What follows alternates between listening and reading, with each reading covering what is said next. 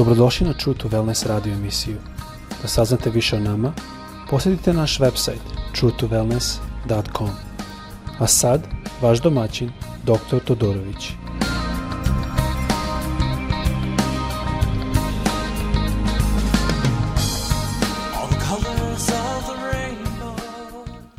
Ljubazni dobar dan i došli naš podcast. Kao što većinu znate, ja ovo radim iz eh, Floride da ja živim. Kao što vratno, ako ne znate, svakako ćete shvatit. ja imam naglasak, moj srpski nije najbolji jer sam odrastao u Kanadi, a posle toga sam živio u Americi. Nijedno ne pomaže da se nauči srpski bolje. Kad odem u Srbiju pokušam naučiti, ali um, uzme malo vreme. Ne znam, ste vi shvatili, srpski je prilično težak jezik. To sam pogotovo video kad je moja čerka koja nije znala srpski u početku, sada, hvala Bogu, prilično bolje zna. I mnogo puta kad me pita zašto mi kažemo ovako, obično tu su pitanja oko padeža. I onda ja znam, pa većinom znam pravilne padeže, ali ne znam objasniti zašto. Ja samo znam kako se kaže, jer mama i tata su me naučili prilično pravilno da govorim srpski, ali mnogo puta ne mogu objasniti zašto. I dok mnogo puta pokušam da odgovorim jedna pitanja, prosto shvatim koliko je težak srpski jezik i koliko je to teško za strance da nauči. Nadam se da vam to neće smetat. Danas bi želo da govorim o Petru i Korniliju, to je dala apostolska deseta glava, ali želo bi jednu drugu stvar isto da unesem malo. Vi ste zapazili da mnogo puta, to jest e, u zadnje vreme stavljam e, pesmu na početku i mnogi puta ljudi me pitaju zašto pesma? Čak više puta imam mlade koji kažu zašto u crkvi se peva? Sa strane psihologije mogu vrlo lako objasniti da mi imamo dva kanala koje koristimo, tako nas je Bog napravio.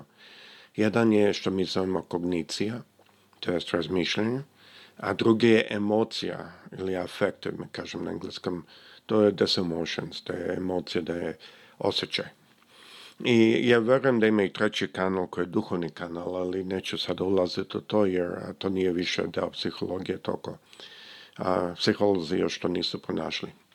Ali a, što želim da u, vas upoznam, da mnogo puta mi kao hrišani pogrešimo i e, delimično ćemo to malo dotaći isto kad pričamo o Corneliusu, ali ovdje ćemo više dotaći kako mi gledamo na neznabošce. Ali isto je bitno da znamo da Bog očekuje od nas da koristimo i kognitivne kanale, to jest razmišljanje, a isto tako emotivne kanale, to jest emociju ili afektiv kako pravno kažemo. E sada, to moramo razumjeti, zato što je to, a, na primjer, dok je bio COVID, mnogi hrišćani su poginuli, e, zato što nisu to shvatili. Normalno, oni su, ja verujem, sa gospodom, ali oni su mislili da sve što je meni potrebno je da samo sedim i da verujem i gospod će sve srediti. To pokazuje manjak znanja, jer kada je gospod počeo da udari izraelski narod kad su izašli iz Egipta. Mojsiju je gospod rekao da podigne zmiju i svako koji pogleda tu drvenu zmiju koju on podigne, bit će izlečen. E sada nije gospod njemu rekao svako ko ima veru, bit će izlečen. I mnogo puta danas mi imamo hrišćane koji ja to zovem super hrišćanstvo, koji pokušavaju da savladaju stvari sa verom. Vera je dobra, ali vi znate što Jakov kaže za veru bez dela. Ne možemo samo veru. Znači, prate i dela. I mnogi su poginuli dok je bio, ne znam da se sećate, dok je bio COVID.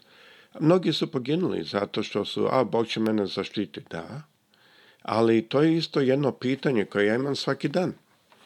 Ja imam neke medicinske situacije, neke medicinske tegobe a kao i svi mi kada postanemo malo stariji, ja bih želio da mislim da nisam, osjećam se kao 18, ali svakako telo kaže nisi 18.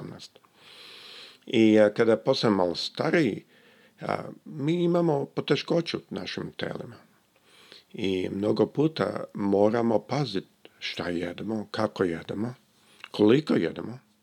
E tako isto kada je bio COVID, morali smo paziti šta je mogućno za nas da učinimo, a to znači da moramo biti upoznati sa situacijom i sa tim virusom. Bez razlike da li je to gospod dozvoli ili nije, mi moramo biti upoznati sa šta se dešava. Kognicija je isto potrebna, a isto je potrebna i emocija i vera koja u stvari pripada delimično u emocionalnom realmu, a delimično u duhovnom realmu. Neću previše da uzmem na to, sada, ali mislim da je jako bitno da shvatimo da Bog očekuje, kao i u vreme Mojseja, da mi imamo i deo razmišljanja koje koristimo. Na primjer, ako ja znam da me gospod zove da idem u Srbiju, ja ću otići i kupiti avionsku kartu. Ja neću reći gospodu, pa ako ti želiš da idem tamo, ti kupi kartu. Pa on mi je već rekao da on želi da idem tamo, on očekuje da ja uradim, on nije moja sekretarica. E sada, ako ja nemam načina, kupim kartu ili neki problem, postoji to je druga stvar. Ali ono što mogu raditi, ja trebam raditi. Tako isto naš hod u svakom pogledu. I kad smo u službi, e, mi služimo delimično sa pesmom, a mi služimo delimično sa razumom i sa e, znanjem. A ima i duhovni dal, neću sad o to ući. I zato je gospod dao da ima slavljenje. I mi mnogo puta pocenjujemo slavljenje. Slavljenje je jako bitno. Na primjer, sa strane psihologije, ako neko se bori sa depresijom, vi možete da mu govorite sa razumom koliko hoćete, a možete pustiti jednu pesmu koju on voli i ta pesma će puno više raditi nego sve vaše reči. Zašto? Zato što depresija dolazi kroz emotivan kanal. I to onda način koji radi kroz emotivan kanal će bolje radi sa tim problemom. I zato je Gospod dao da mi imamo i pesme, da mi imamo slavljenje, jer to radi kroz taj kanal. Mnogo puta Duh Sveti koristi taj kanal i taj kanal, da ne ulazim sad previše to, a taj kanal je bliži duhovnom kanalu nego razum. Ali mnogo puta mi kao hrišani podcenjujemo razum i mislimo da sve o duhovnosti, a to je u stvari znak da duhovno nismo još odrasli.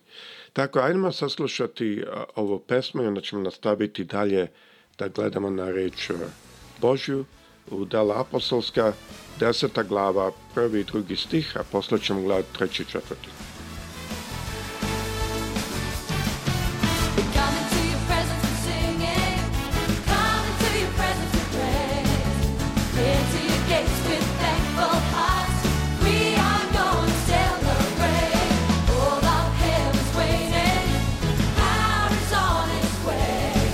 shout,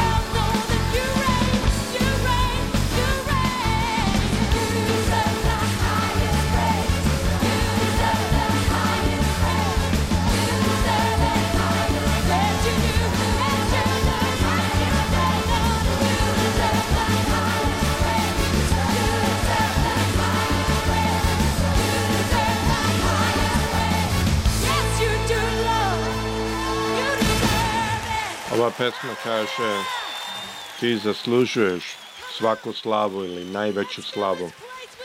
Mislim da mnogo puta dok slušam pesme želim, mnogo puta razmišljam o tim rečima. Nije u pitanju samo saslušati u uživati u nego razmišlja što ta riječ znači i zašto je neko napisao sa tim rečima. I mnogo puta je to napisano kroz nadarenje Duha Svetog. Ne kažem da svaka pesma je napisana, ali većinom one koje ja mislim da jesu ili osetim da ima nešto u njima. To su pesme koje ja obično pustim. Ima i drugi pesme, ali te obično ne ulazim u to. Ali, ja sad bi ja zamolio, ako ne marite da pratite ako možete sa mnom, u desetoj glavi dala apostolska prvi i drugi stih, počet ćemo sa tim, Kaže ovdje ovako, u Kesariji je bio neki čovjek po imenu Kornilije, kapetan četa koja se zvala Italijanska. Pobožan i bogobojažljiv, kao i svi njegovi ukućani. Davao je mnogo milostinje narodu i stalno se molio Bogu. Želao sam malo da pogledam na ovaj stih. Ovo je prvi put kad je evanđelje koji Isus nama donao, govoreno i predano ne, ne jevrejima, nego koji su, ne znam, bosi. Sad, ajmo pogledati prvo što ovdje kaže. Ovdje kaže, na srpskom kaže kapetan Čete. To nije tačno preveđeno.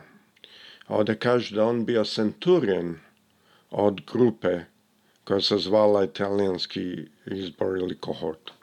E sada, zašto je to bitno Reč Centurion znači kapetan od sto vojnika. To je u stvari što reč znači. ta reč nosi specifično koji je njegov rank. to je kao danas da kažemo pukovnik ili što god. Ta reč e, specifično znači da on vodi oko sto vojnika. Ovo je bio poznat čovjek. Ovo je bio čovjek koji se družio sa jevrejima i jako je mnogo puta za ljude kao što on, to bila samota sa što s jevrejima.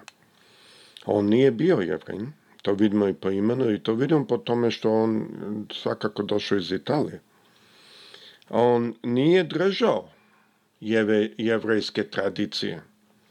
Vidimo po načinu na koji je on živao da on nije držao jevrejske tradicije, znači bi on morao da se odrekne i da se ne druži, da ne ulazi u kuću ne znam to jest oni koji nisu jevreji, da ne ide kod onih koji nisu jevreji i tako dalje. Po tome vidimo da to nije bio neko koji bi mi danas rekli on je već bio naroda Božeg, samo nije znao Isusa. Mi vidimo da nema nikakve evidencije da on pratio jevrijski zakon. Ne vidimo da on držao i kakve um, njihove dane koje imaju jevreji, mi kažemo Fis, ne znam kako sam, praznici, najvratnije da se kažem našem. Vidimo da sve to nije držao, ali Biblija ga naziva pobožnim čovekom. Zašto? On nije znao o Bogu, on čak ne znamo ni da li je znao da je Bog je jedan. Ne znamo. Mi samo znamo ovdje da je on čovjek koji se bojao, to kaže pobožni čovjek koji se bojao Boga, znači on je na neki svoj način shvatio da Bog postoji. I on se bojao Boga. Kada neko kaže bojo, to, se znači, to znači više strahopoštovanje. Ne mislim da je on hodao okolo plašio se da ga Bog će ga ubiti ili oboriti. To je više u pitanju strahopoštovanje. To je više u pitanju jedan hod da ti priznaš i svačaš da je Bog iznad tebi i da Bog sve bolje zna nego ti. Mi vidimo ovdje da neko ne mora da bude hrišan ili čak vrin da zna to. On je znao nešto prirodno u sebi. On je imao nešto prirodno u sebi. Zašto ovo želim da iznesem?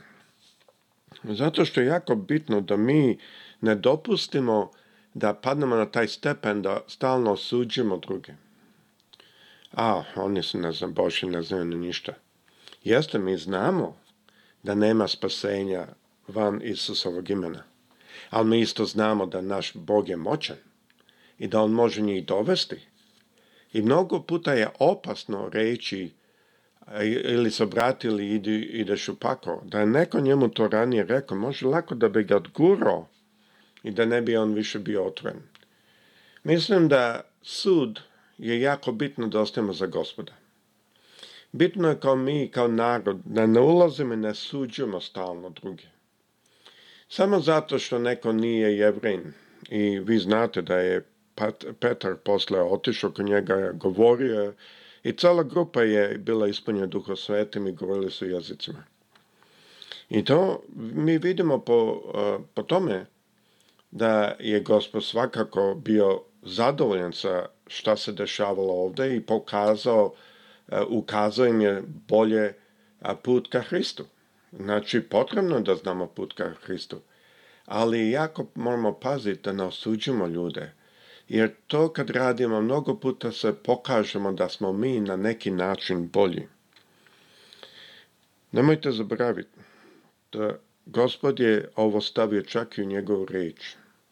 Gospod je čak njegovo ime stavio u njegovu riječ, ako je ovaj čovjek bio beznabožac.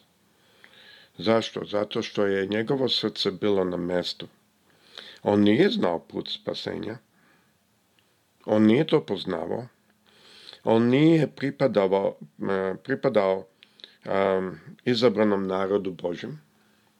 To bi kao danas da kažemo da on nije pripadao crkvi. Ali on je radio onoliko koliko je znao. E sada, čim je on saznao više o Isusu, on je odmah želo da dođe bliže Isusu. Ima ljudi koji kažu, o, pa meni ne treba crkva, ja, ja mogu sam. To nije poruka ovdje. On čim je čuo više je odmah želo da ima više. Znači, on nije znao, a ne da je odbio. To je velika razlika. Znači, ovdje vidimo par stvari. Mislim da je vreme već malo otišlo, onda ću nastaviti u narednih nekoliko epizoda. Jednu ili dve, ne znam kako će biti. Ali ovdje vidimo par stvari. Nemojmo prezirati one koji možda nisu sa nama. I ne znamo koji plan Bog ima za njih. Da, mi znamo da Isusovo ime jedino možemo biti spašeni. To znamo. Ali mi ne znamo što je Boži plan za njih. Nemojmo pokušati uskočiti ranije ili čak što je još loše osuđivati, reći ideš u pakao ako ovo i ono narediš. Ko si ti da kažeš nekom da ide u pakao? Ko sam ja da kažem nekom da ide u pakao? To nije naše da kažemo. Mi vidimo kada gledamo u Bibliji da mnogo puta i anđeli nisu tali osudu da daju, nego su predali to gospodu. Zato vas a, zovem da ajdemo hodati napred u jednoj ljubavi, razumevanju, jednom znanju kako da idemo za njim. A sada a, naredne epizode malo nastaviti da gledamo šta je ovdje bilo i što je gospod radio. Gospod sa s vama.